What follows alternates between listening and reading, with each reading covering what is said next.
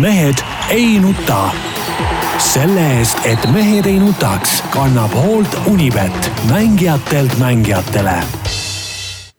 tere kõigile, kes meid vaatavad ja kuulavad, ükspuha mis ajal ja ükspuha mis vidinatest, kuigi nad peaksid praegu istuma kõik ilusasti arvutite juures ja, ja, ja just õigel ajal otseülekandes meid kuulama, aga see selleks.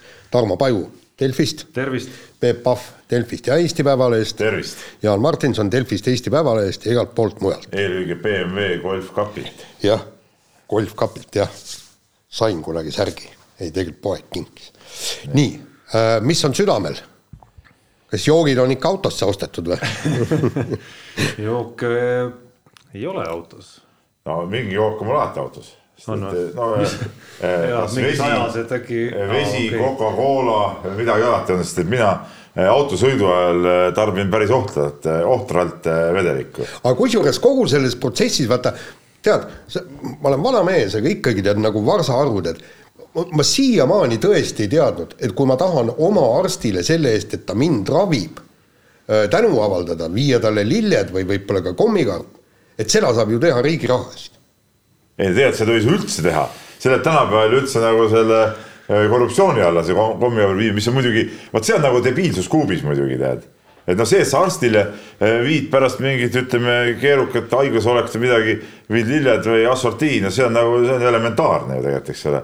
aga seda nagu tänapäeval väga teha ei tohi. no ma olen viinud ka väga head veini. no võib ka veini viia, aga tänapäeval ei tohi. Jaan muidugi kiidab selle heaks. ei suuda mina ka mingit, äh, mingit sellist võlu näha selles, et peaks ära keelama oma arsti tänamise, sellest ma küll aru ei saa ausalt. aga, aga, aga, aga sellest, mida Jaan püstitas, püsti pani jah, see, see, see on omapärane küll jah, et, et miks ei võiks seda teha omast rahast. ja, ja, ja nüüd siis on, on see, siis on see nagu ka nagu päris tänu, eks ei, ole, et sa lihtsalt ei anna, et sa lihtsalt ei anna oma assistendile kätte palvet, et näed, kuule, ole hea, korralda see ja see ära, on ju, vaid sa lähed poodi, ostad selle, viid kohale, nii nagu aga. ma viisin näiteks, Peep nii nagu ma viisin, oleks võinud ka ju Delfilt äh, või Ekspress Meedialt küsida selle raha. mäletad kunagi, kui ma jäin äh,, äh oleks peaaegu lennukist maha jäänud, sellepärast et kohapeal selgus äh, Tallinna lennujaamas, et äh, minu nii pass kui ID-kaart olid aegunud. Ja kuidas siis üks lennujaama teenindaja, tänud talle siia, siiamaani kindlasti ikkagi leidis mooduse kuidas juhilubadega oleks võimalik Hispaaniasse kohale lennata ja siis ka tagasi tulla sealt. ja siis ma pärast läksin poodi, äh, Ülemiste keskusesse vist, ostsin sealt kommikarbi ja läksin, püüdsin teda sealt lennujaamast üles otsida ise. mitte ei palunud, äh, ei leidnud, aga tema kolleegid teadsid, kes ta on ja edastasid äh, tänupalve ja kommikarbi. korrutant. aga, aga mulle tundub, et siin räägib ta isegi ka kadeduse uss, ütleme, närib kõvasti, nii. Tarmo ka pidi ise minema, ta on eraisik, kõik aga Jüri Ratas oli, ei olnud eraisik ju, ta oli meie riik. ja ta oli meie, ta oli ju peaminister ei. ja ta oli ka, ka äh, haigevoodis peaministrina ja loomulikult ta oli, meie riik oli haige ja, ja riik siis eh, ütleme viis ka selle kingituse. siis on imelik, on lihtsalt see, kui nüüd edasi minna, noh loogiline oleks ju tegelikult, et kui ta on riik või oli riik tegelikult siiski, et noh, hetkel ei ole päris ei, riik, kuigi nagu taha, tegelikult ei, on ikkagi. ta on Eesti teine mees. täpselt, et noh, siis, siis ju tegelikult kõik hommiku, õhtusöögid, lõunad, mis asjad veel, uued aluspüksid ega see, see kõik aga, on ju, see on ju riik. aga sa tahaksid, et peaminister käib ringi trussikutega, millel on auk, auk sees näiteks või? ei tahaks. nii selge, aga siis minu arust. see ei ole üldse, see ei ole üldse esinduslik. see ei ole esinduslik. see ei ole üldse esinduslik, pluss üks äh, hea tuttav on mulle öelnud, ma ei hakka nimesid täpsustama, kuidas äh, tema äh, vanaema õpetas teda et alati peab olema väga korras aluspesu seljas, sest kunagi ei tea, millal võib midagi juhtuda ja sa satud näiteks mõne meeldiva nais- või meesarsti juurde ja. nagu vastuvõtule näiteks. ja vaata, piinlik, eks ole, kui sul ütleme seal kuskil mingid augud on sees. eriti kui sa oled Eesti riik. ja kui sa oled Eesti riik, võta kingajalast ära, mingi varvas on soki seest väljas on ju, no see ebareaalne. ja minu arust, kui sa töötad Eesti riigina, eks ole, mida Jüri Ratas töötas, siis eh, loomulikult eh, vormiriietus, see on ju sama hea. ega siis, mis sa mõtled, korvpallurid ise ostavad endale need vormid ja, ja ketsid või ei ole nii, nad saavad ju need ju, ju saavad vormiriietust, samamoodi on ju, ju, ju peaministril on kogu riietuse vormiriietus, noh. Sul see Delfi särk, ka vormiriietus, sa ei ole selle eest maksnud ise. ei ole maksnud jah. no vot. sama, sama värk põhimõtteliselt. et ma ei näe siin mitte mingisugust vahet. just, aga noh, tuletame meelde, et tegelikult, tegelikult võim kuulub rahvale, ehk siis tähendab, et meie oleme Eesti riik sama, samavõrra. ei no jaa, aga meil peab olema ikkagi oma esindajad ei no jaa, nemad on meie, oot-oot-oot, nemad on meie teenrid. meil on äh, rahvasaadikud, rahvasaadikute nõukogu, kes istub Toompeal ju. on, aga, aga nemad on meie teenrid ja vot see ongi huvitav, eks, et teener saab äh, rahulikult äh, meie käest meie, me, meie raha ja võtta ja kulutada, aga meie, kes me oleme tegelikult riigi omanikud, meie seda teha ei saa. elu näidanud, et teenrid on nad nii kaua, kui hääled kätte saavad, ütleme, kui hääl jääb vaja nuiata, siis nad on teenrid, kui hääled on käes ja saavad Toompeal istuma, siis nad enam teenrid ei ole muidugi, noh, et see, seda on ka elu näidanud. nii, aga tont selle ratasega ja räägime parem korvpallist suutsin eile Eesti meistrivõistluste finaalmängu ajal magama jääda, aga nagu Peep ütles, ega seal suurt vaadata ei olnud, Kalev Cramo taaskord tšempion. mina vaidleks ausalt öeldes vastu sellele, et äh, minu arust vastupidi, äh, tänavuses finaalseerias oli üle ootuste palju vaadata. me rääkisime okay., me rääkisime eilsest mängust okay. ja kõigepealt tahtsin öelda muidugi, et, et Jaanile on tulnud see pensionäri, ta veel ei ole päris pension, ta on nagu pensionieelik, aga see pensionäri sündroom tuleb peale. No,, nii kui tugitooli istub nii kohe norin sealt tuleb, eks ole. et mina vastupidi, kuigi mul olid olemas kõik argumendid, et jääda magama diivanil eile, nimelt sain pühapäeva hommikul vaktsiinisüsti ja vist eile mingisugune täiendav väsimus oli tõesti peal, täna enam mitte, siis ei jäänud sugugi magama, vaid ma pean ütlema, et et äh, mitte ainult, äh, okei okay,, selle mängu teine poolaeg neljandas mängus äh, ja ka kolmandas mängus juba varem. noh, ei olnud nagu sportlikku pinget enam sellisel moel nagu kahes esimeses loomulikult, kus seda oli jällegi üle ootuste tegelikult. ütleme oluliselt rohkem, kui nende meeskondade koosseisud ja eeldatav jõudude vahekord ikkagi eeldaks, siis tasus minu arust üleval püsida, Jaan juba, juba sellepärast eile, et näha ära siis ka nagu see lõppvaatus, see hetk, kus äh, tiitel oli käes, toimus autasustamine, kogu see, kogu see asi. ja ma pean ütlema, et mul oli nagu äge oli vaadata seda tegelikult. Ja kahel põhjusel, esiteks äh, sellel põhjusel, et äh, oli näha, mismoodi see kodune tiitel läks Kalev Cramole korda et. Äh, esimest korda üle pika aja jälle. üle pika aja, ma arvan, et siin mängis kindlasti rolli ka see, et eelmisel aastal nagu teada, igasugu tiitlid jäid ju kõik üldse välja andmata. teiseks mängis kindlasti rolli see, et Pärnu tegi sellest seeriast selles mõttes seeria, et Kalev Cramo mehed pidid ikkagi nagu päris korralikult pingutama hakkama ja. ja kui esimeses mängus seal mõni mees lubas endale veel sellist nagu noh poole kõvaga soojendust ja, ja sellist võib-olla mõtlemist, et noh, küll me selle asja nagu ära vormistame, siis siis äh, tagantjärele peame mõtlema, et huvitav, mis oleks saanud, kui see teine mäng oleks ikkagi nagu teistpidi läinud ja seal null kaks oleks see seeria olnud, et kas, kas ikka siis ka kolmandas mängus äkki võib-olla nii lihtsalt enam läinud ei oleks, sest mingid muud pinged oleks juurde tulnud Kalev Cramole, et, et selles mõttes see, see oli nagu äge, et ma hommikul Peebule juba meenutasin ka, et, et ma ei saa siin saateski tegemata jätta väikest torget siin Põlva Serviti käsipallurite suunas, kellel noh jäi see kõik nagu tundmata, see, see nagu nauding, mille said siin raplakad ja pärnukad ja, ja Kalev Cramo mehed sellest nagu, sellest, et sa naudid nagu oma lõpptulemuse vilja sellisel kujul, kus, kus värskelt oled saanud oma võidu kätte ja värskelt saad oma medalid ja värskelt saad tähistada ja nii edasi. Äh, mis nagu tähistamist puutub, siis äh, siin meil ühel äh, meie kanalis ilmuvas saates ka natuke nagu ironiseeriti Äh, pronksmedali tähistamisele. ei no mis sinna varjata, Pihtas Põhjas podcast, Gert Kullamäe oli pea, peaparastaja. sõber Gert ironiseeris äh, Rapla äh, tähistamist, et pronksi puhul siis sõideti lahtise bussiga spordihoones keskväljakule. aga ma siin nagu viskun nüüd küll Rapla meeste ütleme kaitsele või, või no mis pole vaja midagi kaitsta, et see on minu arust see on nagu tegelikult vastupidi, see oli jumala äge, et seda tehti olukorras, kus ütleme, fännid pole saali saanud ja, ja, ja fännid ise ootasid seda, fännid olid seal kohal, ütleme, need, kes võib-olla Tallinnast vaatasid, et mõtlesid, et noh, seal ei olnud mingeid tuhandeid inimesi. saage nagu aru, et Rapla ei olegi koht, kus tuhanded inimesed tuleks, seal on viis tuhat inimest minu arust elabki umbes. et, et kui seal on mõni sada, sadakond inimest või, või, või mõnisada inimest, siis sedagi on juba väga palju ja väiksele kohale siuksed, ka see pronksmedal tähendabki rohkem kui kui mõnele suurele linnale mingisuguse suure isegi rahvusvahelise tiitli võitmine, et selles suhtes äh, on jumala okei okay ja seda tähendust mõistavadki ainult need, kes, kes ise väikses kohas elavad ja väikses kohas asju ajavad. nii, see, see oli nüüd sellest, aga nüüd ma tahtsin rääkida ka finaalist. ja ega meie siinsamas saates, meie saade oli ju teisipäeval, eks ole. ja selle seeria murdemäng oli kolmapäeval, kui ma õigesti mäletan. et me ei ole sellest nagu siin saanud omavahel veel nagu rääkidagi, aga Tarmo nagu korra vihjas, et et noh, see esimese mängu intriig oli üleval ja teine mäng ka oli ju, oli väga põnev ja siis, siis ütleme, tuli see murdehetk, kus ütleme tõepoolest kohtunikel see asi läks natuke seal käest ära ja ja, ja ma arvan, et see väga paljuski tingis ka selle seeria kolmanda mängu vähemalt. no et me ei saa, me ei saa ühest küljest teada, kas ütleme, kui mängu oleks vilistanud Peerandi, Halliko ja keegi kolmas, kas siis, kes selle mängu võitnud oleks, seda me tagantjärele ei saa kunagi teada. pluss me ei saa teada seda, et null kahe pealt, kuidas kuidas siis, kas siis oleks ka Kalev Cramo ikkagi edasi üle rullinud Pärnust? jaa, täpselt, täpselt ma ütlen. sest siis et, oleks mingid muud pinged tulnud. et mingi, mingis mõttes see selgroog seal murti ära selle, no seal ütleme pärast mängu oli seda ebaõigluse juttu oli nagu, oli nagu päris palju nii, nii ametlikku juttu kui mitteametlikku juttu ja noh, olles ise ka saalis olnud, selge see, et seal läksid asjad käest ära ja, ja mitte, et keegi oleks midagi meelega teinud seal, et, et seal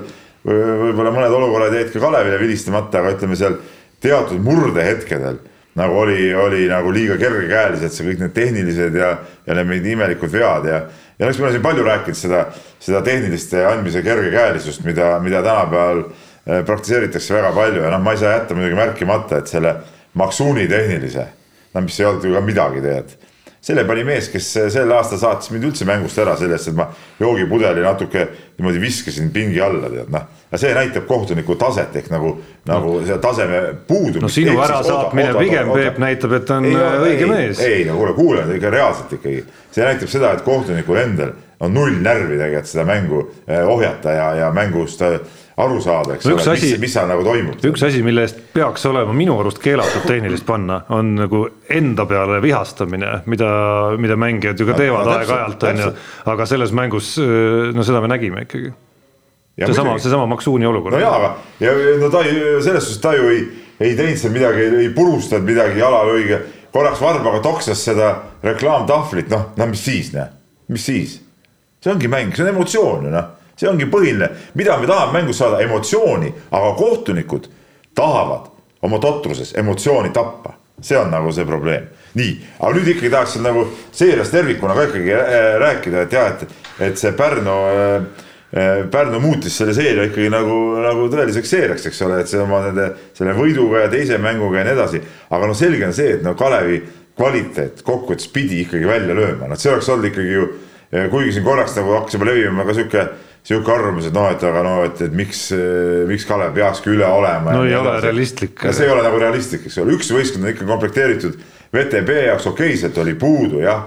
Kemp väga oluline mees sel hooajal.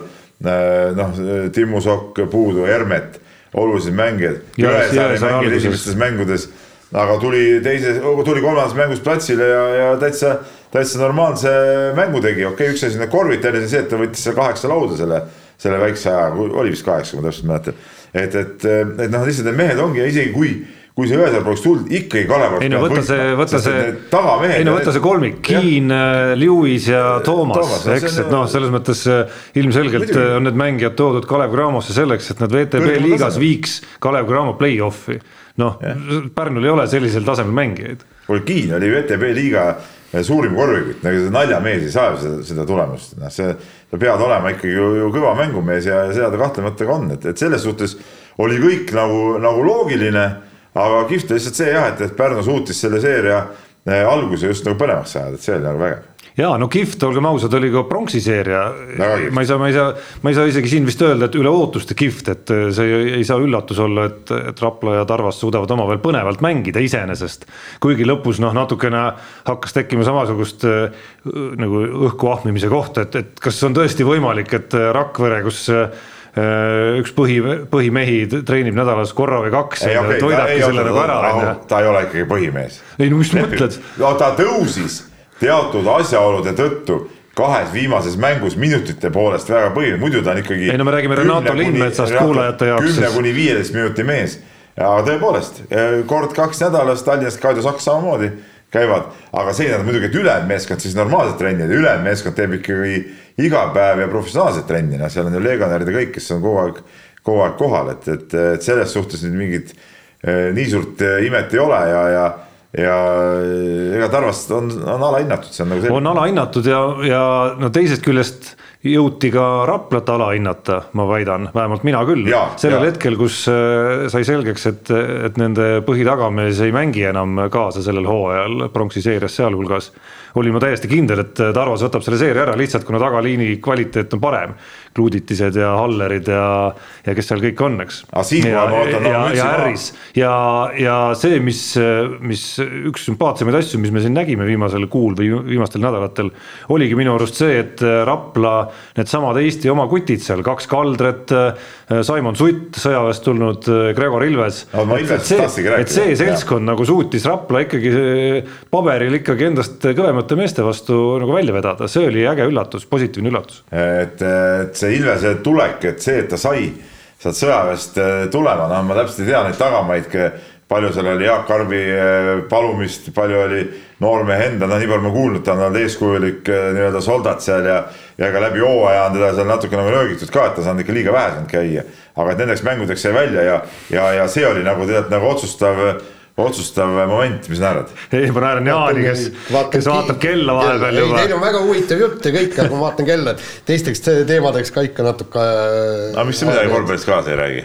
mina või, seepärast ma ta jäi magama kuule, punkt üks, ma jäin magama ja punkt kaks on see, et, et kuulge, kaks korüfeed on siin, mida ma siin äh, plõksin ei no kindlasti oleks sul öelda midagi, kuidas ikkagi üheksakümne esimesel aastal äh, oli ja kaheksakümne üheksandal aastal muidugi ka sinna sekka. No.. aga no okei okay,, jutu jätkuks no üks huvitav koht ikkagi võib-olla on, mis väärib veel puudutamist, on väike tulevikuvaade ikkagi ja, ja ma arvan, et see puudutab noh, kõiki asjaosalisi, kellest me oleme rääkinud, aga eelkõige Kalev Cramot ja ja Pärnut ja võib-olla Raplat ka natukene sinna sekka, on ju, et, et võib-olla esimene küsimus, mille ma siin õhku viskaks, ongi nüüd see, et kas me näemegi praegu hetke, kus Pärnu on hoopis see meeskond või see klubi, kes tahab ennast äh, kodusel korvpallikaardil kehtestada siis äh, Kalev Cramo sellise põhilise vastasena, et me oleme harjunud, et see on Tartu. Äh, me näeme, kuidas viimastel aastatel see ei ole Tartu enam, tõsi, tänavuse hooaja järel justkui mingid jutud Tartust ütlevad, et nad tahavad nagu asja ka tõsisemalt hakata võtma ja et see duell Tallinnaga kuidagi taaselustuks, aga jutt käib ikkagi nagu aastate perspektiivist, mitte sellest, et uuel hooajal. aga eelmine hooaeg ei olnud ju Tartu mängust väljas ju tegelikult ju no hetkel me, hetkel me ei näe, et Tartu ei, oleks. ei, ma mõtlen eelmine hooaeg, sa ütled viimastel aastatel, aga tead eelmine hooaeg. no selles mõttes Tartu mängust väljas, et okay, selles mõttes ma mõtlen sellist konkurentsi, kus ühe mängu varastamine finaalseerias ei jah, oleks jah, enam mingi jah. suur üllatus, vaid et me läheks finaalseeriale vastu ja mõtleks, et noh, et kolm-null see seeria küll ei lõpeks, on ju et selli-, sellisel kujul no, nagu tekiks. tähendab praegu ikkagi ma ütlen ka seda, et, et vaatamata sellele seeriale on iga Kalev Cramo eh, finaalseerias saadud kaotus ikkagi üllatus. jah, aga Johan Kärbi laused meie enda tänases artiklis olid sellised, et nad tahaksid liikuda sinnapoole, kus, kus no, Pärnu muutuks tõsiseltvõetavaks konkurendiks ka kodus Kalev Cramo jaoks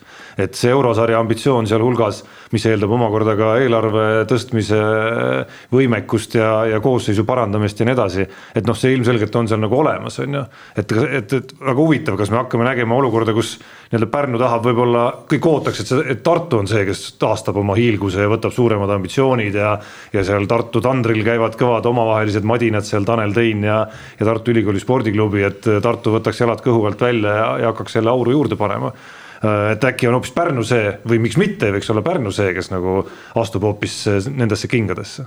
ja see variant on olemas, aga veel parem variant oleks see, kui, kui mõlemad nagu astuks, astuks nendesse, äh, sellesse rolli ja hakkaks, hakkaks Kalevit ahistama ja see ei ole sugugi tegelikult ju võimatu, et noh, üks asi on nüüd see, et eks me näeme ära.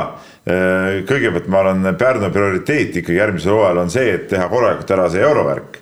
et see kõige hullem on see, kui kui nüüd ei saada näiteks kuskile põhiturniirile, hakatakse kuskilt eedringist pihta, kogu muusika piirdub kahe mänguga, noh siis nagu tundub see nagu sihuke nagu mõttetu, eks ole. kui mängitakse kuskil alagruppi, noh, meil on siin viimasest aegadest on, eks ole, mäletame, kui Tarvas korra mängis, Tallinna Kalev mängis noh, ütleme seal ka, et, et kui sa sealt kohe välja langed, kuigi Tarvas sai seal ju päris ägedaid võite ka.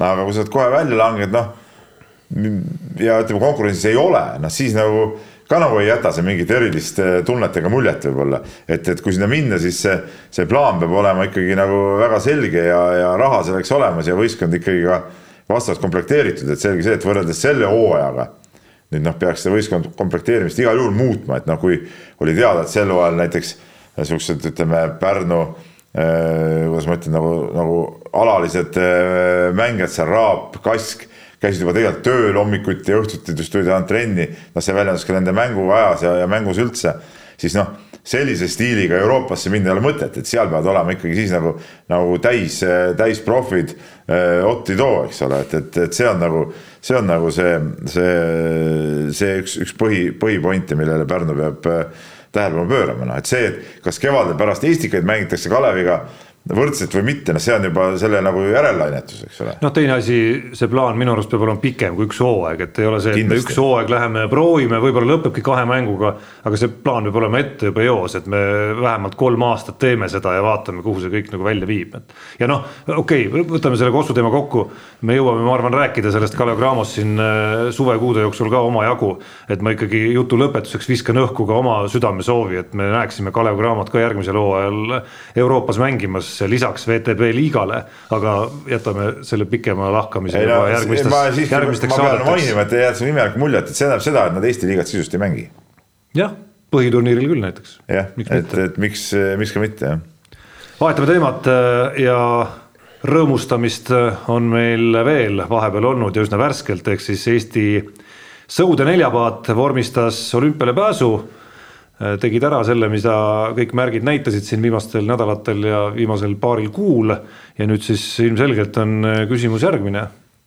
mis need šansid on siis? oota, kõigepealt ma ütlen ära, et ega see nüüd nii lihtsasti vormistasime ka, et see päris nippa-napp oli see finaali. ei no kolmanda ei. koha ees oli edu ikka ju ei, no, täitsa korralik. viissada meetrit enne lõppu polnud seal midagi korralikku veel jah, aga ise no, nad ütlesid, et asi oli täiesti ja, ja ei no ma olen lugenud ka kõiki kommentaare, et ja, nende enda ütlesid... sõnul oli asi ikka kontrolli all kogu aeg jah, no ütleme nüüd niimoodi, eks, et, et, et et praegu venelased olid üllatavalt tugevad ja, ja venelastega läks nippa-nappa, ütleme niimoodi, et, et võib-olla siin tõesti need kaks, kaks paatkonda, eks, kes need olid, Holland ja Itaalia või?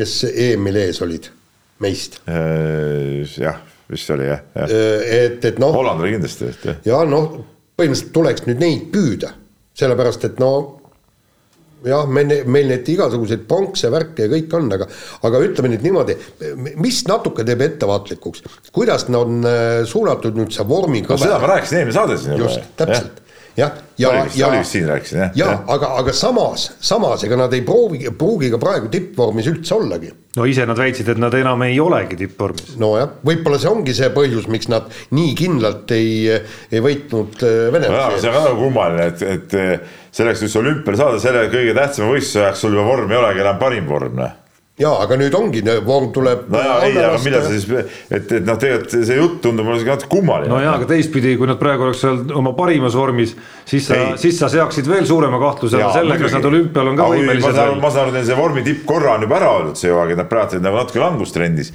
et see on nagu kummaline, et see tipp oli siis nagu mingi muul ajal, no asjad olid kontrolli all järelikult. müts, müts maha, hea töö tegelikult no suht surnud seis, surnud seisust ikkagi, kus nad siin vahepeal olid. selles suhtes muidugi, et, et täitsa tuldi, tuldi auga välja sellest äh, raskest seisust, noh. jaa, aga, aga jällegi, kõik see asi paneb ka, kahetsema, et me tegime need äh, paar vaheaastat kui me oleksime võinud ka võita kulda ja kaarde ja EM-idelt ja MM-idelt ja oleks ra palju rahulikumalt selle olümpiakoha kätte saanud, ei oleks praegu vaja, vaja tõmmelda. et hea, et, et nüüd siis sellele mõttele tuldi, tuua soomlasest treener, kes on tõesti teinud väga head tööd ja kes ei ole nagu suur jutumees, aga ta on noh, tegude mees. Ja, ja, ja. Ei no küsimus on ka selles, et need mehed pidid kokku saama ikkagi lõpuks, lõpetame ära need eksirännakud ja otsimised no, ja katsetamised ja ja leidsid lõpuks ikkagi koosluse, mis lõpuks äh, mahtus ära ühte paadi, ega kui neid lugusid lugeda, siis pidevalt õhkub seal, et ega seal nagu mingit nagu ülimat idülli nagu lõpuni seal ju meeste vahel ei valitse, noh et noh, seal ma saan aru, see joon eelkõige on Hendrikson kuskil seal ja siis on need taimsood rajad ja eri põlvkonnad ja, ja kes kõik on seal mingeid oma radu otsinud aegade jooksul, aga, aga et lõpuks ühel hetkel saadi aru, et kui, kui tahame edu saavutada, siis, siis tuleb, ühis, tuleb nüüd niimoodi paati istuda ja ühise asja eest väljas olla. ja, ja, ja kusjuures kahjuks tundub, et, et see, see Äh, see olümpia, kui juhul, kui see toimub, et, et see, see võibki olla üle pika aja meie, meie noh, nagu viimane, viimane äh, sõude neljase vähemalt äh, edu, sellepärast et Hendrikson. no manustab päris palju juba. ja Hendrikson ilmselt lõpetab, Allar Raja ka võib-olla. Raja, Rajad ja Taimsed pole ka enam poisikesed jah. jah, noh, Taims, Taims on veidikene noorem, et, et tegelikult noh, et. veidike noorem küll, aga tal on ka neljas olümpia juba. just, aga, aga ikkagi oleks jube tore, et see püha lehm lõpetaks olümpial ikkagi no vähemalt medaliga, okei okay,, olgu siis see ka kasvõi pronks. või no olümpiapronks või, või, või mitte, see pronks on ka kõva asi olümpiat, see on nagu selgem, selgem. no aga Nii, kuhu ja. siis äh, olümpiatermomeetril läheb sõudepaat oma protsentidega? no ma, ma arvan, varsti peaks, varsti oleks aeg ilmselt uus termomeeter teha no,. enne muidugi võiks selguda, vabandust, enne võiks selguda, et olümpia toimub või just see termomeeter tuleks enne ära teha kähku. just eile arutasime omavahel, et termomeeter tuleb ruttu ära teha, enne kui tuleb uudis sellest, olümpiat ei toimu. No.. eriti Baruto eilse uudisnäpu valguses, eks ole. No,. nii, aga äh, lähme edasi siis naiste võrkpallikoondisega ja ja mulle väga meeldis Jaan, Jaani kommentaar selle treenerite teemadel ja, ja peab tõesti ütlema, et mina arvan, et lõigati näppu selle peatreeneri vahetuseks, see on nagu selgemast selgem. kuule, kui sa, eks ole, mehe, kes viis naiskonna ei kusagilt sisuliselt finaalturniirile, järelikult ta mingeid nuppe seal vajutas nagu õigesti, onju, ja nüüd tood mingisuguse teise mingi välismaalase, kes on tõesti väga mainekas kes hakkab siin mingeid mängusüsteeme muutma, ma ei tea, mingeid imeasju tegema. Ja tulemuseks on see, et kuhugi ei saada, siis järelikult see oli vale käik ju, noh Ja, no Jaan, ma lihtsalt nii palju ütlen vahele, Jaan oma äh, selle kommentaari teraviku rihtis sellele teljele, et nagu välistreener versus kodumaine on ju, aga no alles kolm minutit tagasi sa kiitsid muidugi sõudjate otsust tuua soomlane. ei, ei ütlesin küll, ei, lugesid mu esimest lõiku. Seal oli see, et, võidukaid hobuseid ei vahetata. Ja, ja Andrei Ojamets on selgelt võidukas hobune. Ja, ja lüüa ära minema mees, kes viit-.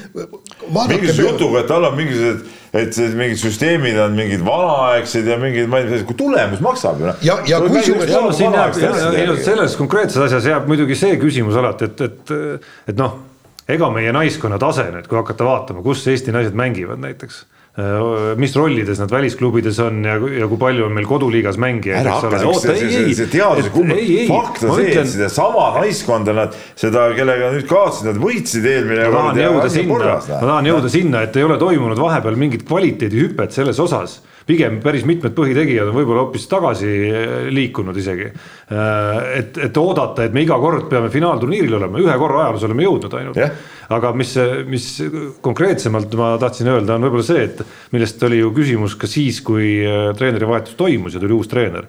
et noh, kuna me räägime ikkagi sellisest noh, ma ei taha halvasti, üldse halvustavalt kõlada selle Eesti naiskonna kohta, aga noh me räägime peamise väga suures osas Eesti liiga mängijatest on ju, et noh, kui sa tood treeneri, kes on hoopis nagu teiselt tasemelt tulnud. et siis sellisele võistkonnale võib-olla sobib, sobibki täpselt selline kodusem treener ka paremini, see võib olla see. ja, aga vaata, seal ongi, Andrei Ojamets tunneb, ta teab, milleks need mängijad on võimelised ja, ja järgmine asi on ka see, eks, et, et noh, kui plaan A ei tööta, siis, siis tuleb panna plaan B tööle ja, ja, ja tõesti nüüd koroona aastal ilma kontrollmängudeta hakata mingisugust mingisugust uut süsteemi, mis on põhimõtteliselt erinev, ma, ma nüüd väga täpselt ei tea, eks, et mis süsteem on. on lihtne, üks võtab vastu, teine tõstab, kolmas võtab maha, kõik süsteemi seal ikka vaja on. ja, ja, ja teine asi on ju see, et, et no ei olnud ju need vastased, ei olnud see Šveits ega ka Valgevene, kui eelmise. no seesama Šveitsi nad ju võitsid eelmine kord kogu aeg. no, no just, jah, ja, ja, ja, ja, ja keda nad eelmises valitsustsüklis võitsid?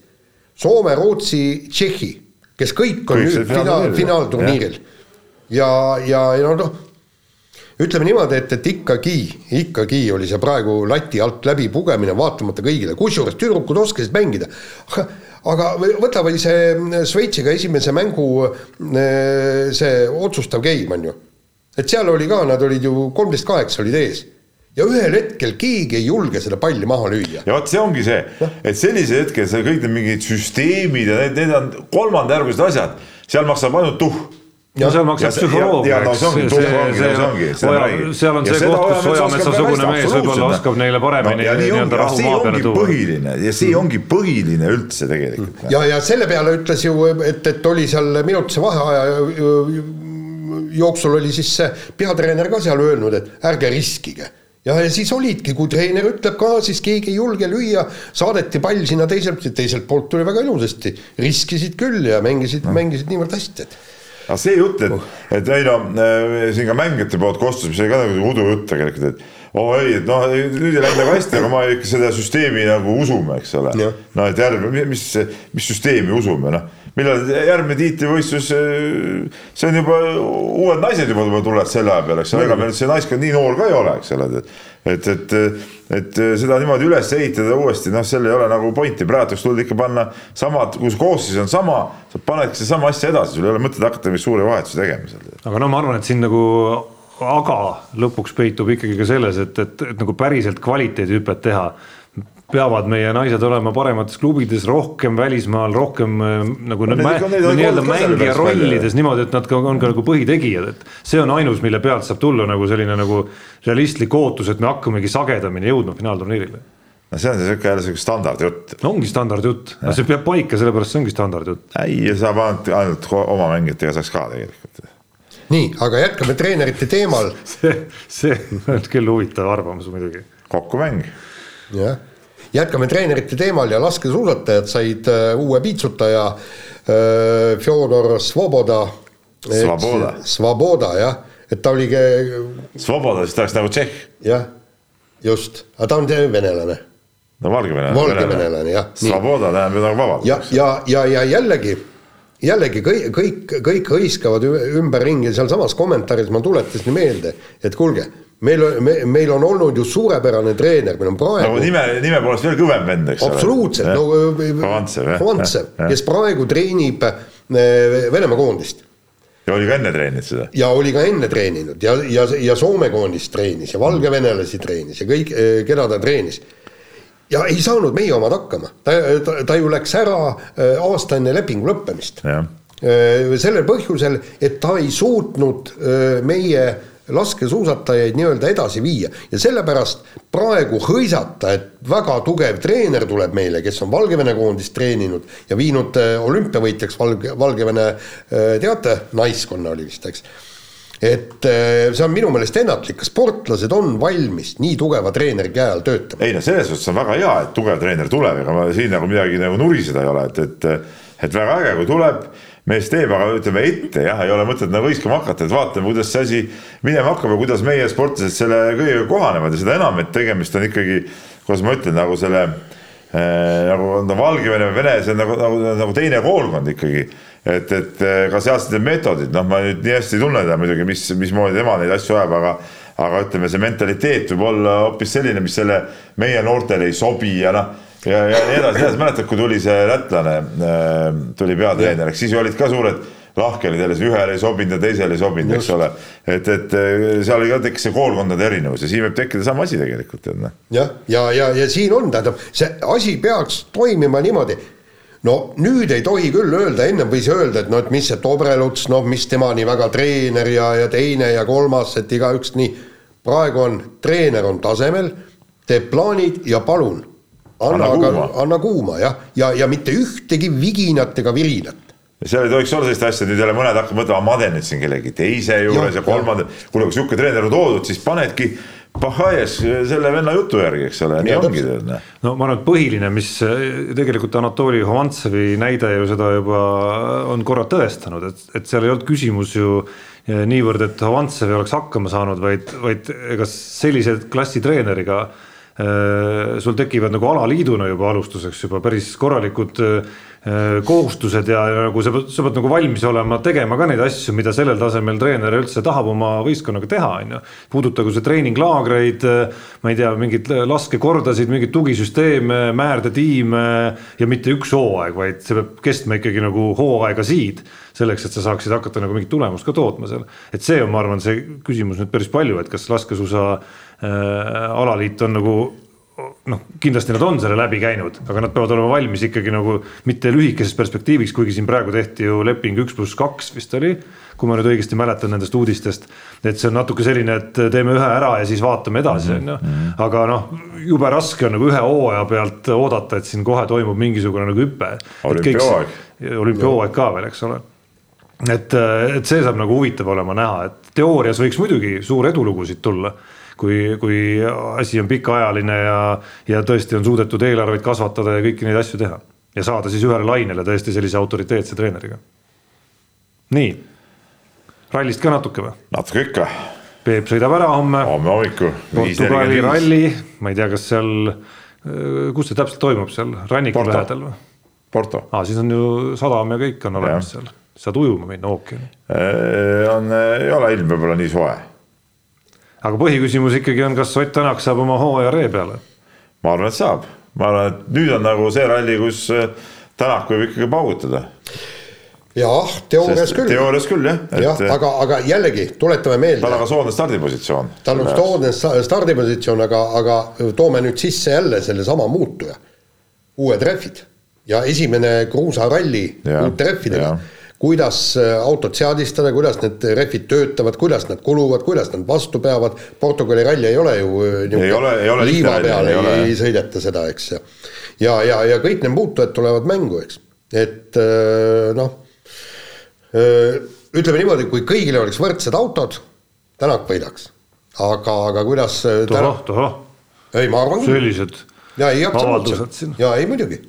Ma arvan küll, sellelt stardipositsioonilt ja miks mitte. stardipositsioon on tõesti soodne, ütleme eest ikka teespuhastajad teevad äh, selle sõidujoone ette ja siis äh, Tänak tuleb seal, ütleme, kuigi põhikonkurentidega võrreldes ikkagi ideaal, ideaalpositsioonilt. just, aga, aga noh, ütleme niimoodi, et eks äh, pühapäeva pärastlõunal oleme targemad. ei no mina eeldaks ikkagi teilt nagu praegu targem olemist, mitte, mitte nüüd selliseid asju, et küll, küll pühapäeval vaatame. asi ongi selles, et äh, tõsiselt rääkides, noh, ega meil ongi väga raske midagi aimata, sest me tegelikult ju ei tea, tõepoolest nagu Jaan ütles ka, et uued rehvid, me ei tea, kuidas äh, need asjad seal on paika pandud ja kuidas need sobivad ühele või teisele parasjagu. ja, ja teine asi on see, et aga tiimid ka ei tea ju Neil ei ole võrd-, vaata vormel ühes on see hea, et, et kui neil on testid, siis nad on kõik ühel ringrajal ja kõik me näeme, kui, kui kiire on üks, kui kiire on teine ja, ja mingisuguse aimduse seal saab. aga seal kõik testivad seal, kus igaüks tahab, eks ole. jah, täpselt. no mitte kus tahab, pool sa ei saa ralli selle kiiruskatse peale minna testima, aga noh, põhimõtteliselt, eks ole, testikohad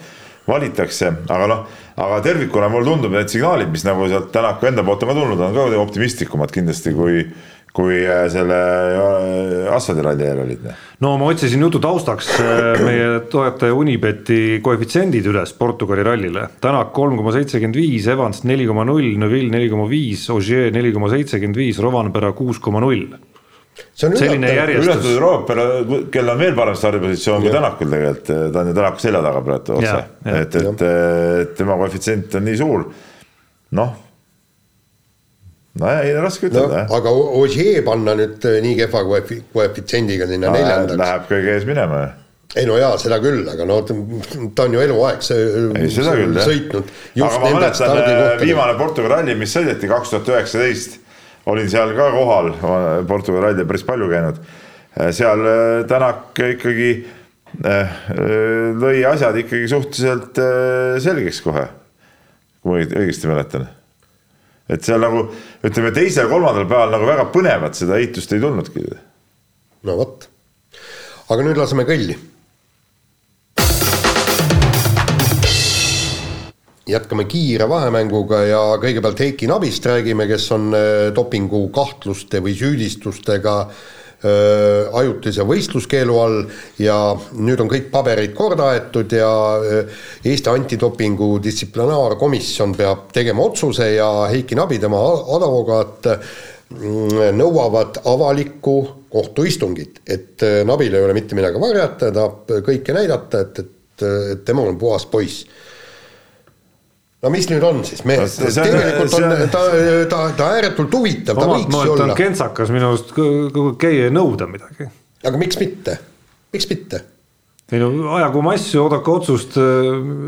avalikult saavad nad ju kõik need asjad ju ilma selleta, et see kohtuistung avalik on, ma ei tea, mis need reeglid ütlevad muidugi selle kohta, ma arvan, et see ei näe ette, et see peaks olema otseülekande kaamerad või ajakirjanikud istungi ajal. seda, seda kindlasti mitte ja, ja nii nagu me ju ka sellest kolleegiumist teada saime, et see, et sportlane seda sooviva omaniku menetlust ei ole üldse nagu tavapärane äh, asi, eks ole, ja, ja, ja äh, tegelikult on niimoodi, et juht, no me, ma praegu võtsin lihtsalt ette selle vastuse, mis tuli distsiplinaarkolleegiumi äh, poolt meie järelpärimisele ja ja sellele, sellele taotlusele siis vastamiseks on aega kõigepealt kolmkümmend üks mai.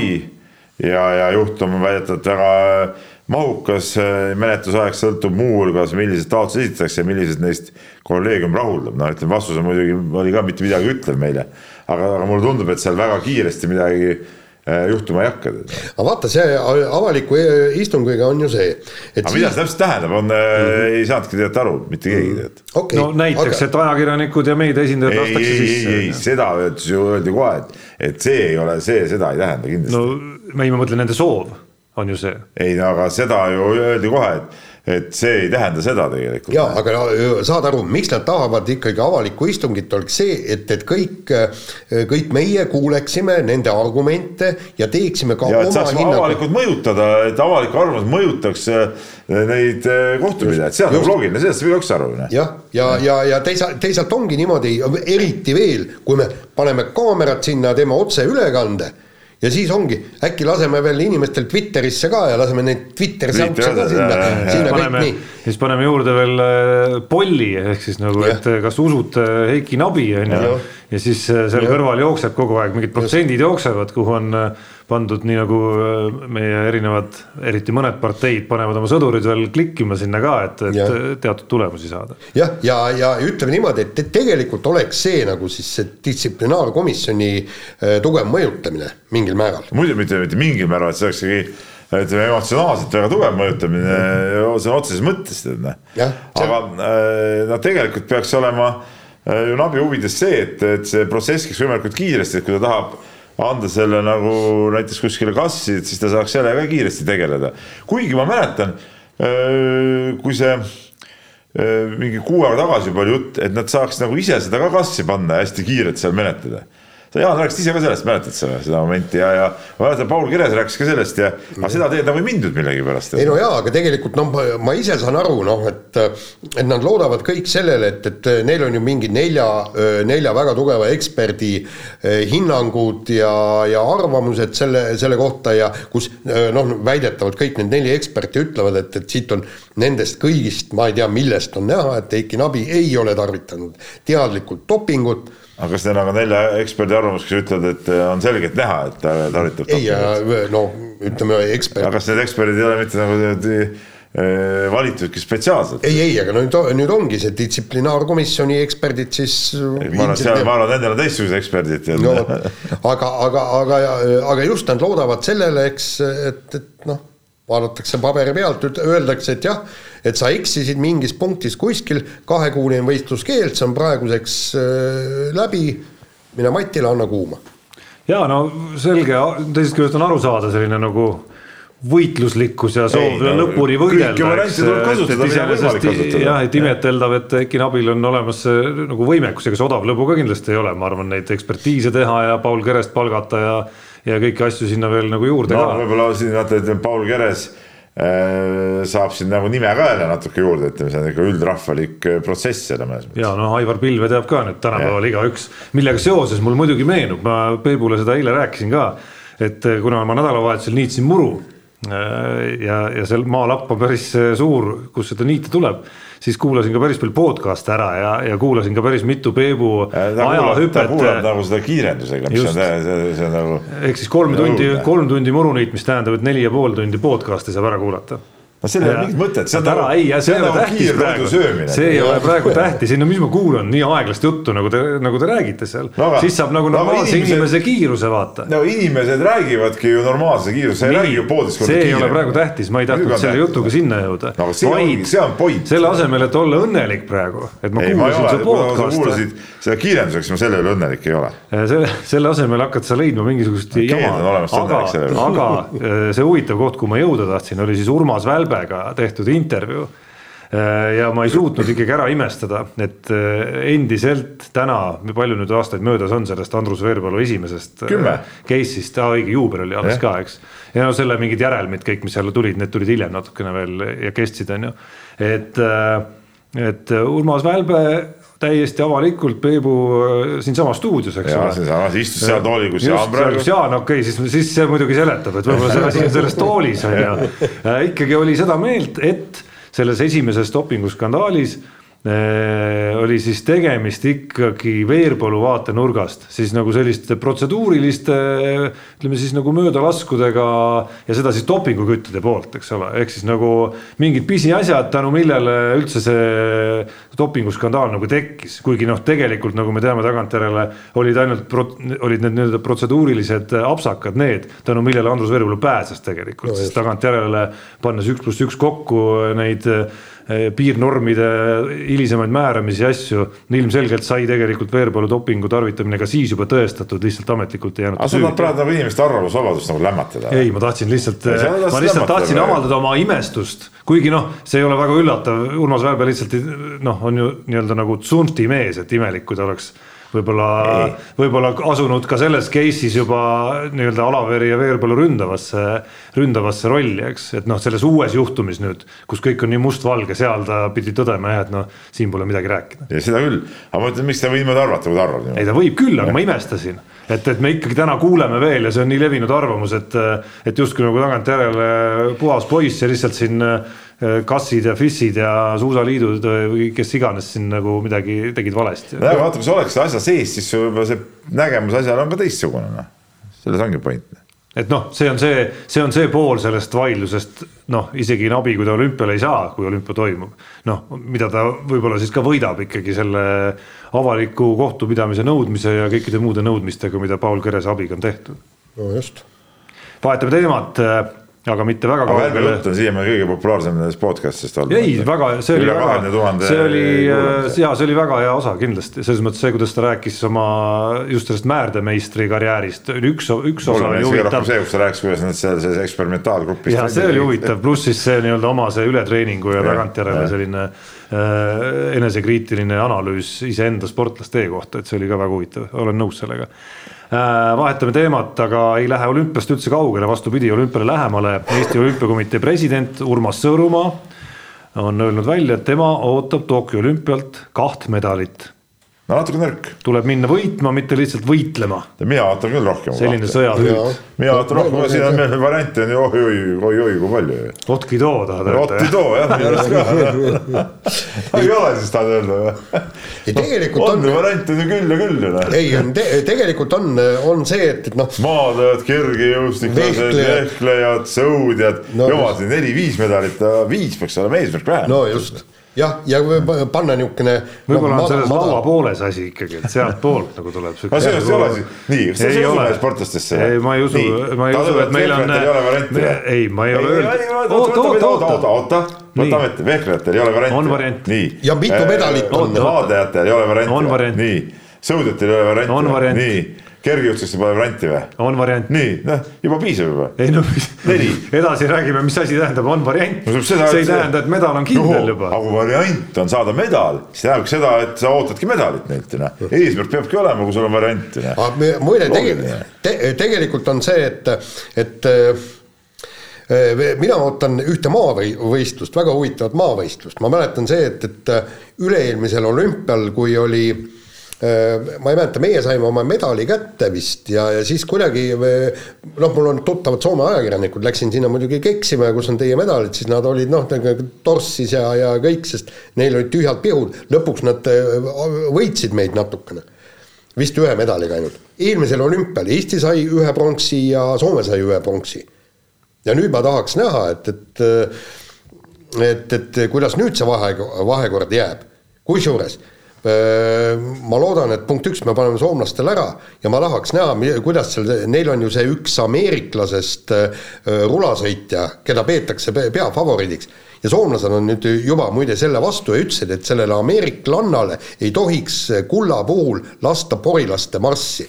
ja seal olid ära toodud see porilaste marsi sõnad, Soome läheb võitlusse ja kõik, et see on noh, sõjamarss, eks. see, mida mina nende variantide puhul, Peep, lihtsalt tahan öelda, ma olen vist öelnud ka juba, sa tead, ei üllata sind praegu, on see, et äh, meil ei ole, vaata eelmises saates sa siin avaldasid hämmeldust, et sina nendest äh, koefitsientidest ja asjadest midagi aru ei saa.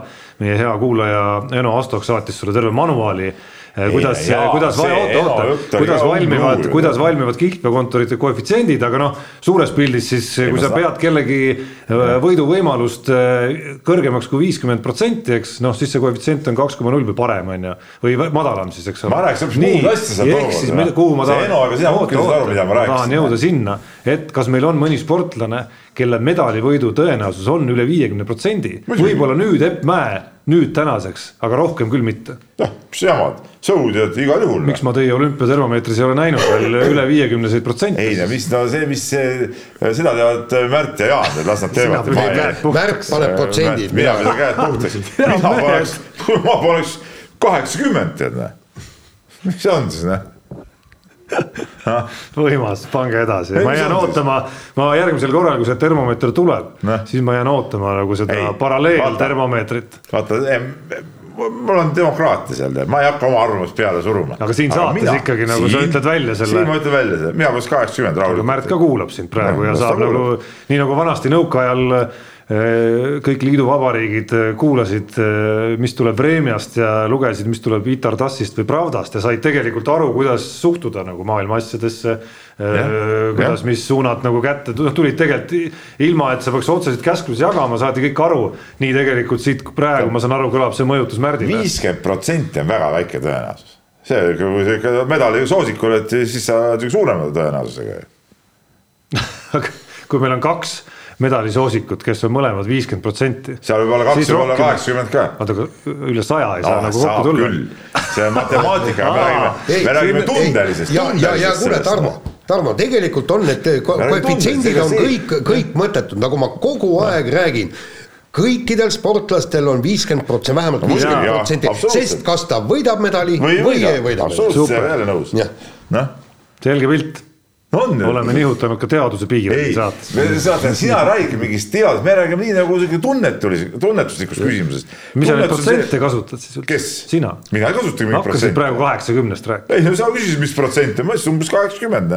ehk siis ta võib saada, aga võib-olla ei saa et kõigil, kes lähevad näiteks EP vehklemises. kõigil on viiskümmend. kõigil on kaheksakümmend. ei, kõigil on viiskümmend. ei, osadel on kaheksakümmend. ei, aga kõigil on vähemalt viiskümmend. ja vähemalt viiskümmend. see on absoluutselt loogiline. selge pilt no.. ei, asi on selge. tas klaar väga, väga, väga selge. nii, ja lähme edasi. tantsuspordi föderatsioon, mis muidugi sport ei ole, ma ei tea, mis me spordisaate seest räägime. Ehm, rahvusvaheline tantsuspordi föderatsioon, ja kahjuks küll jah, ehm, alustas protsessi Eesti Tantsuspordi Liidu liikmeslisuse ehm, äravõtmiseks siis no mitte kahjuks, aga noh, selles suhtes, et äh, ma ütlesin, et, et kahjuks küll EOK liikmed, et noh, ei nad võivad seal olla, EOK liikmed, spordiajakirjanike liit on ka liige, eks ole, seal võib igast asju olla. aga see, et ütleme, breiktants on olümpial, no see mul käib nagu pinda.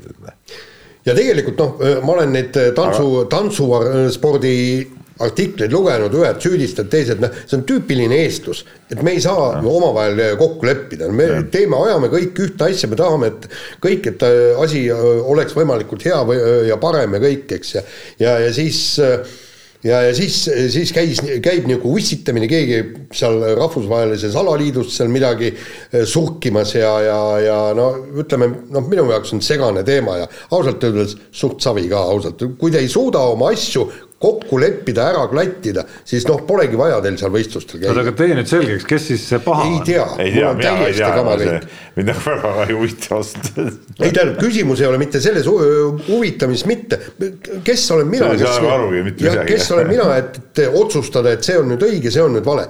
Te olete ise kõik spetsialistid seal, tehke ise omavahel asi selgeks ja, ja kui te ei suuda sõbrana sõbralikult koos elada, siis ei olegi vaja võistelda.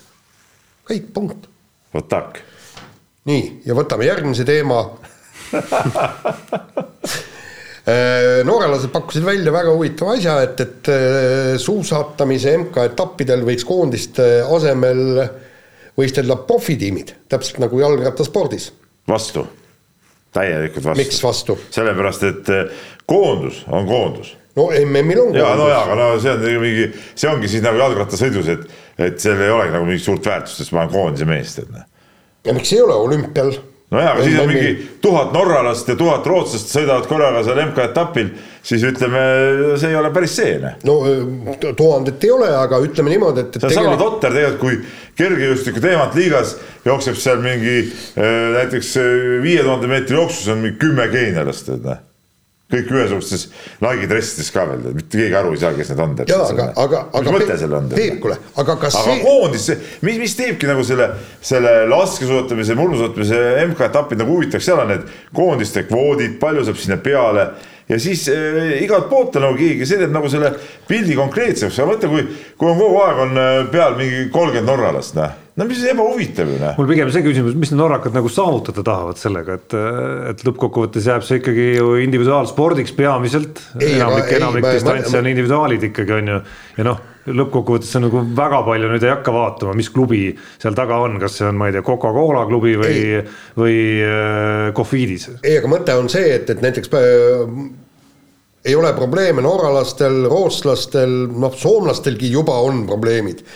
noh, tähendab ühesõnaga nii-öelda majanduslikud probleemid, eks. aga kui on profitiim, siis, siis nemad panevad kogu selle papi välja ja neil on siis tähendab, ma rääkisin ju Jaak Maega ka, Jaak Mae ütles, et väga, väga pro mõte, meil oligi ju tegelikult oli ju see tiim Haanja, oli mis ta oli, aga, aga ta oligi nii-öelda profitiim, lase tal oma sponsorlogod peale panna ja kõik. siis ei ole, aga eestlaste jaoks kaob siis üldse ära võimalus. ei no sa võid ju alati ei, Eestist ei, välisklubisse pürgida. ei, ei, nagu korvpallur või. Eestis või on oma, oma profitiim, oma profitiim a la tiim. aga me ei saaks ju kunagi siis kolmekümne norralase vastu ju noh. ei, ei, aga miks me, me oleme ju toonud olümpiakulda. teine asi, võta praegu see jalgrattamaailm, seal need profitiimid esiteks vahetavad kogu aeg nimesid Need on mingi miljon, see keegi midagi aru ei saa, kes on mis Aha. ja mingeid vanu neid. keegi, Peep, sa, sa keegi praegu sa muidugi paned nagu, et sina sa ei saa aru, et sina, ma ei jälgi ka seda sellisel kujul. vanasti tead, Ageedu Söör, eks ole, äh, siis oli seal need Cofiidis, eks ole no,. see on sul sellepärast no. selge, et seal sõitsid Eesti mehed. nojah, ei no aga need olid ikkagi, seal olid ka selged selged. Äh, ja, aga praktikas Peep, need, kes ratta, rattasporti no, jälgivad, nemad küll. sponsorite nimede järgi kogu aeg, need ei olegi mingid tiimid. Nemad ei ole küll segaduses. kogu aeg vahetuvad need nimid, no Jaan, suur jalgrattaspetsialist. ei no ikka vahetub, aga mitte kogu aeg no,. korvpallis, korvpallis vahetab ka. Barcelona on ikka Barcelona. kuule, mingit segadust seal küll ei ole rattamaailmas.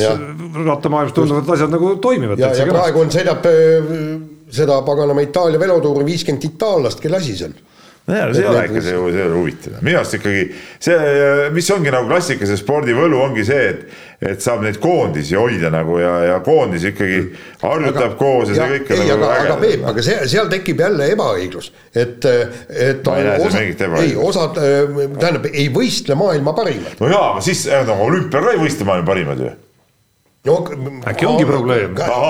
laseme siis äh, kõik need olümpiale ka peale või, mis no, seda täitsa jaburaks ju. ei, aga Peep. siis ei olegi riikide esindusi enam. Peep, kuule, aga. siis ei ole ju, see ei ole ju siis kogu maailma spordipidu, see on siis näiteks äh, jooksus on seal mingitel distantsidel on aafriklaste äh, pidu, eks ole. ja nii edasi, nii edasi, see on jama ju noh.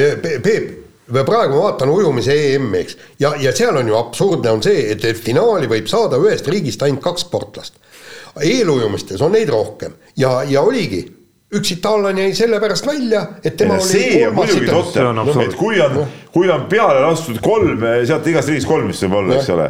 No siis äh, kolm võib ka finaali saada, see on nagu loogiline, see on jälle mingi ujumise mingi veidrus, noh. ütleme, ma ei tea, ma tahaks öelda kõikidele nende rahvusvaheliste alaliitudele ja kui, kui tahate süsteeme nagu normaalselt hoida, võtke meiega ühendust, noh me teame täpselt, kuidas süsteem no, sinuga käib. pigem ikkagi no,. ega siin natuke, ei ole mõtet peale Jaan, sinu kellegagi rääkida. Jaan ka natuke, ütleme, mu assistent, jah. nii, aga kiire vahemängu, talle lahendada. kiire vahemängu lõpetuseks äh, Hyundai bossi Andrea Adamo tsitaat ka veel pärast lepinguid Ott Tänaku ja Terrine Villiga lepingu pikendusi, siis tegutseda tuleb kiiresti, teised võivad B-sse minna, ütleme nii siis. põhimõtteliselt õige no ei, väga õige. ei no töö kiire ja korralik, selles no, mõttes ei saa midagi öelda, et Mäkinen, nagu me mäletame, jäi nagu jokutama omal ajal. jah, näksige muru, nagu öeldakse. no ja näksivadki ja M-sport näksibki muru nüüd.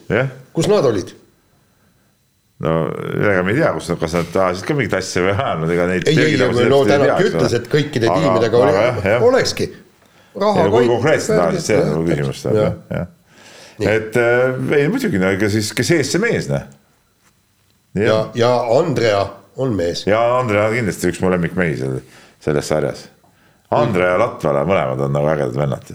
nii, aga laseme nüüd kõlli. Jaan on Latvala vastu. Unibetis saab tasuta vaadata aastas enam kui viiekümne tuhande mängu otseülekannet. seda isegi mobiilis ja tahvelarvutis. Unibet, mängijatelt mängijatele Nonii, Unibeti ennustus. no ütleme, seekord ma nüüd eh, peale eelmise nädala ütleme krahhi. Lakkusid haavu. lakkusin haavu, jah. kuidas Jaan? tead, ma, ma ei leia mitte midagi, mille peale noh. no kuidas Jaan, no püha, püha ei, aga, aga nüüd ma panen, nüüd ma panen äh, rallis, rallis panen äh, seal mõned panused ja, ja seal on päris head aga rallis koefitsiendid mulle. meeldib panna, sest see on nii, mina panen ainult siis, kui ma saan äh, kas sama päev või äärmisel juhul homme teada tulemuse. Aga mida ma pean täna panema, pühapäeval. Küll on häda ikka jumal, ma no asja küll ei viitsi oodata, tead noh. ei no see on siuke siuke emotsioonivärk ju, seal ju paned emotsiooni peale, seepärast ma ütlengi seda veel kord, veel kord rõhutan, Eno Asto kuulajaid ka, eks ole. et see jutt, et viiskümmend protsenti annab koefitsiendi kaks, aga kaks ongi, ma, mis ma jutu mõtlen, kaks on mõttetu koefitsient, ei ole mõtet panna. siis otsi outsidereid ja, ja kõvemaid ja punkt üks koefitsiente. panna mõtet ainult siis, kui koefitsient on seal ütleme neli-viis väga hea, mul kohe, kohe ongi sul ja ma saan vastuse teada täna äärmisel juhul homme hommikul. Kohe- kauemat aega mina küll ei kannata oodata, mis Äh, mõte, kohe- siis unustasin kohe- ära, ma panin selle. kohe-kohe, Peep on, on meil siis pakkuda Nii. sulle üks koefitsient, mis on viis koma null, aga enne ma ütlen ära mis sa midagi tegid või? Äh, no ma tegin ja ma, nagu sa tead, natuke näppisin siin koduseid play-off'i mänge. sa kaotasid? no ma võitsin ja kaotasin, et esimest korda ma panin Rakvere Tarva peale ja võitsin ja siis teisel korral panin äh, vist ka mängu ajal Rakvere Tarva peale, kui nad olid selles. see oli nüüd neljas finaal või neljas pronksimäng. see, kus lõpus läks tohutuks äh, ütleme siis noh, kakerdamiseks, Trilleriks. trilleriks või milleks iganes on ju. ehk siis äh, hetkel, kus nad olid seal üle kümne vist taga isegi, siis panin, et nagu läksin noolisin natukene juurde veel, Tarvas jõudis viigini ka veel, sai veel otsustava rünnaku ka enda kätte, kümme või üksteist sekundit enne lõppu ja siis suutis palli ära kaotada niimoodi, et kiirrünnak tuli vastu, et äh, thanks mehed, aga kokkuvõttes ma jäin ikkagi kahe panusega kergesse plussi, nii et selles mõttes raisku see nädal ei läinud, aga Unibeti mehed ei nuta eripanus. Uuel nädalal, Peep on täpselt sulle mõeldes see koefitsient on viis koma null. Sa võid selle panuse teha neljapäeval ja saad selle ka neljapäeva õhtul teada. Ja see puudutab korvpalli, see puudutab Saksa liiga play-off'i ja ehk siis see panus on, et Hamburg Towers, Mike Kotsari klubi võidab esimeses mängus veerandfinaalis Berliini Albat. no see on jama panus, sest et ma ei pane, ma ei pane seda, sest et ma usun, et Alba on ikkagi kokkuvõttes kõvem. kaks-null Hamburg põhijooajal, ma tean, ma ma olen väga hästi kursis sellega. viis koma null. aga see oli ajal, mil Alba tegeles Euroliigaga. väga raske on sulle meele järgi olla ikka. oleks Alba võit viis koma null, ma paneks. sa võid, sa võid teha siukse business'i niisuguse kihlveokontori, vaata, sa pakud nagu häid, et sa nagu teed, teed nagu tellimuskoefitsiente. et äh, hea kihlveokontor, ma tulen sinu kihlveokontorisse, pahv.com, et muidu on see üks kihlveokontor on F-iga, siis sul on nagu see hash ja V seal lõpus on ju. ja siis tuleb kasutaja Tarmo Paju, ütleb ma tahaks panna teie kihlveokontoris äh, Berliini Alba peale koefiga viisteist Hamburgi vastu ja Peep ütleb, oh muidugi, davai ei noh, kas sa saad aru, need koefitsiendid on ebaloogilised, nagu ma rääkisin sulle seda, kus ma sain koefitsiendi kümme. mina väidan sulle praegu, Peep. ma mäletan, ma rääkisin, kus ma kümme sain. mina väidan sulle, Peep, et see viis koma null Hamburgi peale on päris hea koefitsient. no jaa, aga ma selle ei taha panna, see ei ole nagu, ei ole huvitav minu jaoks. jälle häda. Räägi kirjadest. äkki on midagi huvitavat. kirja on huvitav, alustame huvitavama kirjaga, Martti kirjutab meile ja ja äh, kirjutab meile nii, pole ammu olnud põhjust teie kõiketeadvale kolleegiumile, noh kõike, kõike teadvat mitte kolleegium, vaid mina olen, eks ole. aga no okei okay., arutamiseks ühte konti pureda anda, aga viimastel päevadel on tõusnud maailma sporditaevasse ja eh, mõndagi spordisõpra painav küsimus, kumb viskaks hokimängus rohkem väravaid, kas Jaan Martinson või Vladimir Putin ja mänguilu huvides oletame, et mäng käib elu ja surma peale. Marti, meie vana sõber, kellega me koos oleme hokit mänginud, kirjutas jaa, aga eh, siin ma mõtlesin selle peale, vaata, küsimus ei ole mitte väravaviskajas, vaid väravavahis, sellepärast et tema on viimane nukk. ma võin teha kõik, mida tahan, kui on väga hea väravat, mitte ühte väravat. ja kõik sõltub, kui no minul me oleks, oot-oot-oot-oot, oleks mul niisugune vastas, kui minul oleks vastas samasugune väravaht, kes on Putini vastas ja samasugused kaitsjad, kes on Putini vastas, siis kindlasti viskaksin mina rohkem väravaid. tutkid, Pratt, kas sa vaatasid Putini viimase ööliiga mängu kolle või? ei vaadanud. noh, aga sa räägid jälle asjast, millest sa midagi ei tea.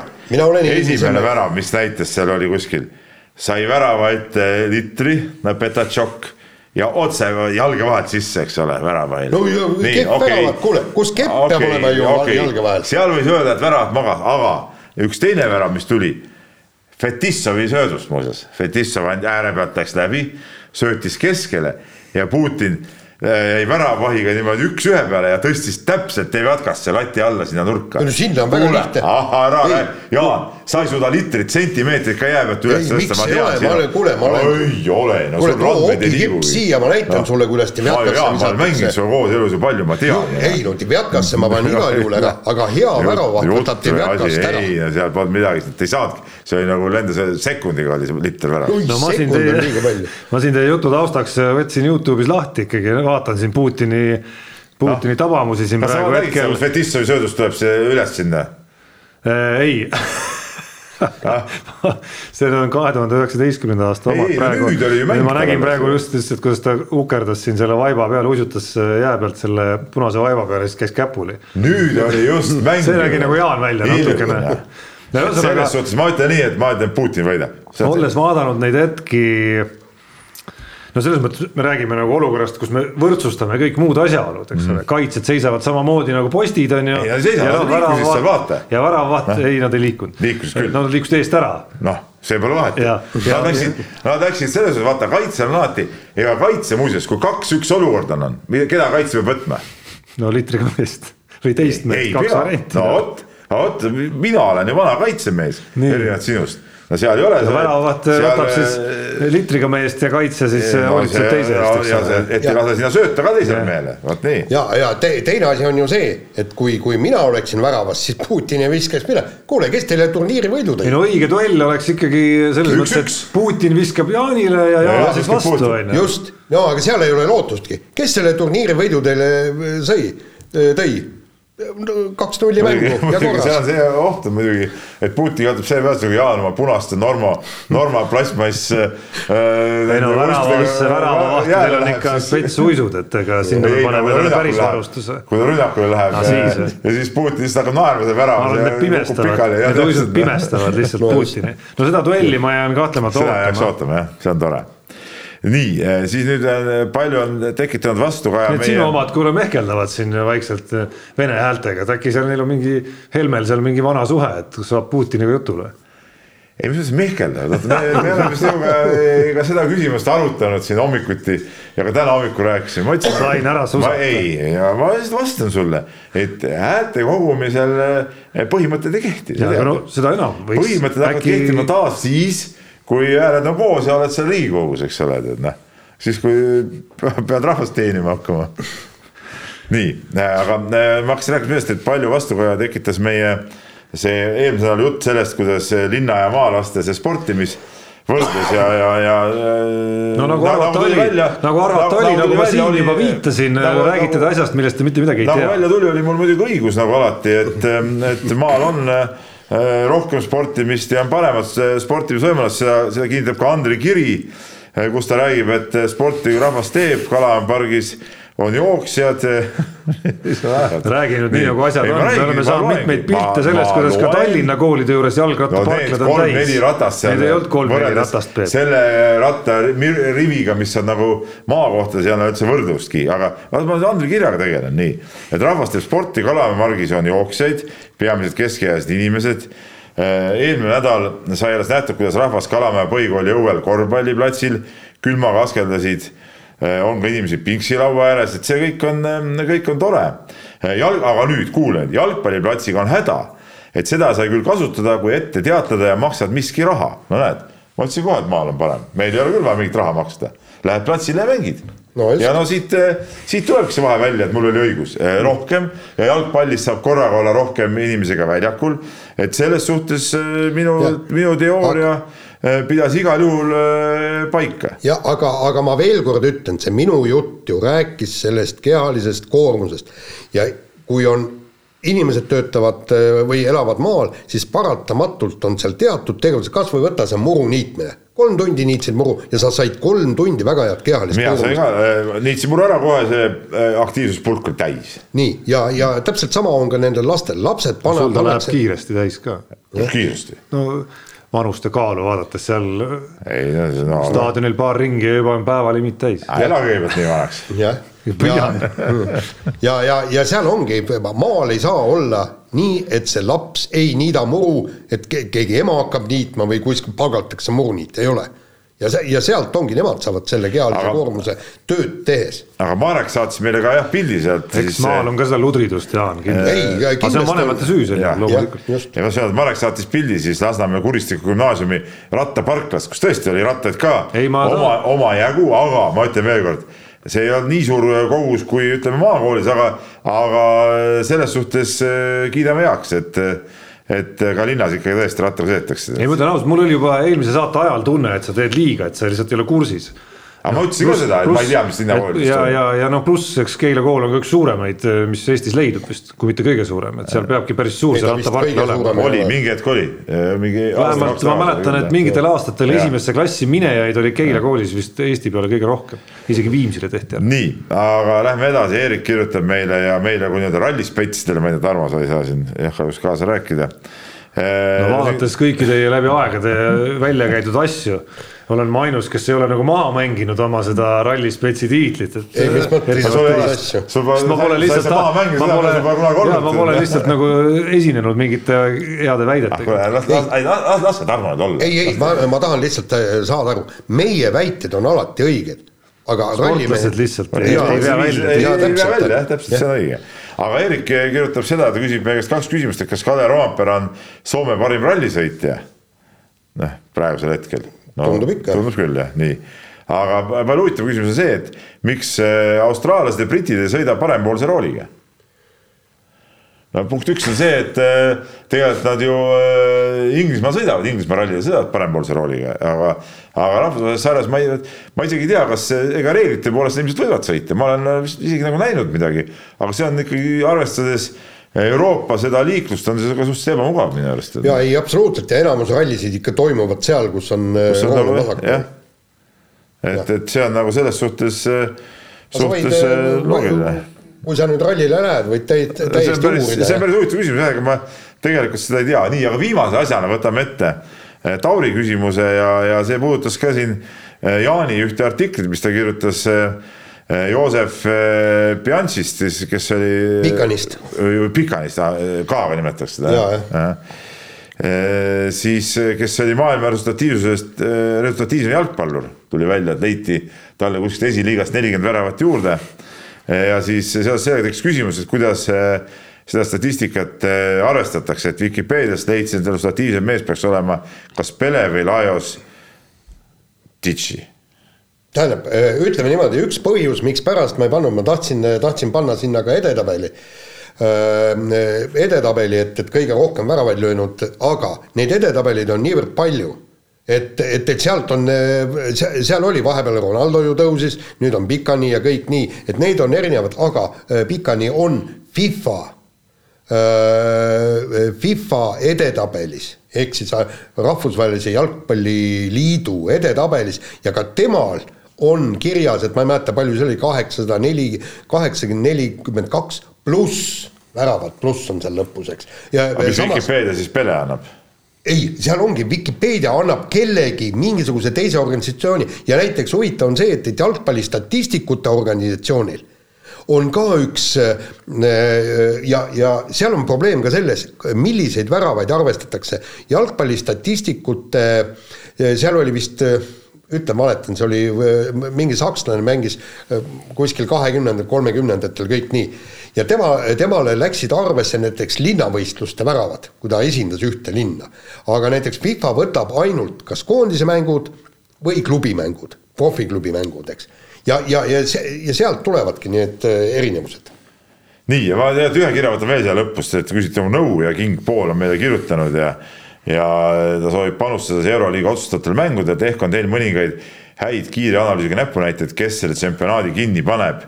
ja ta küsib siin ka veel kelle konkreetsete mängijate kohta, aga seda ma ei ütle, mingid punktid ja sööd lauapallid, see on nagu, nagu juhuslik, aga ma võin öelda ära, kes selle tsempionaadi kinni paneb, Barcelona.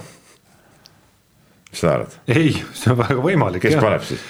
No Barcelona tõenäosus on äh, kaheksakümmend protsenti. no ma arvan, et äh, ma ei ole näinud üldvõidu koefitsiente, aga, aga loogiline oleks, et Barcelona oleks esimene ja FS suhteliselt äh, lähedal, ma arvan, ikkagi seal pundis. ma arvan nii, et Barcelona kaheksakümmend protsenti, CSKA kuuskümmend viis protsenti tõenäosus ja siis ja nii edasi. tead, mina, ma, ma, ma tegelikult pean ütlema, et ma ei oska nagu head nõu anda, et, et Barcelona ja FS on minu arust kindlasti soosikud kohtuma finaalis ja, ja kumb ma julgeks arvata selle tiitli võidab, aga, aga noh, nende koefitsiendid jällegi ei oma nagu sellist väärtust, et tasuks sinna nagu panustama minna, sest lõpuks on lõpuks on vaja nagu kaks nii-öelda ühemängulist seeriat ära võita, kus võib ikkagi nagu igasuguseid asju juhtuma hakata, et nii CSKA kui Milano, ma arvan, on ohtlikud ikkagi mõlema jaoks. no ma arvan, et no mulle Milano tead eriti ei meeldi, seepärast ma, noh, ma ütlengi, Barcelona läheb lihtsalt nad oma selliste tegelastega nagu Kyle Heinz, Sergio Rodriguez no., Luigi Datome on väga ohtlik vastane. ja, ja Kyle Heinz mulle väga meeldib, aga tervikuna mul Milano meeskond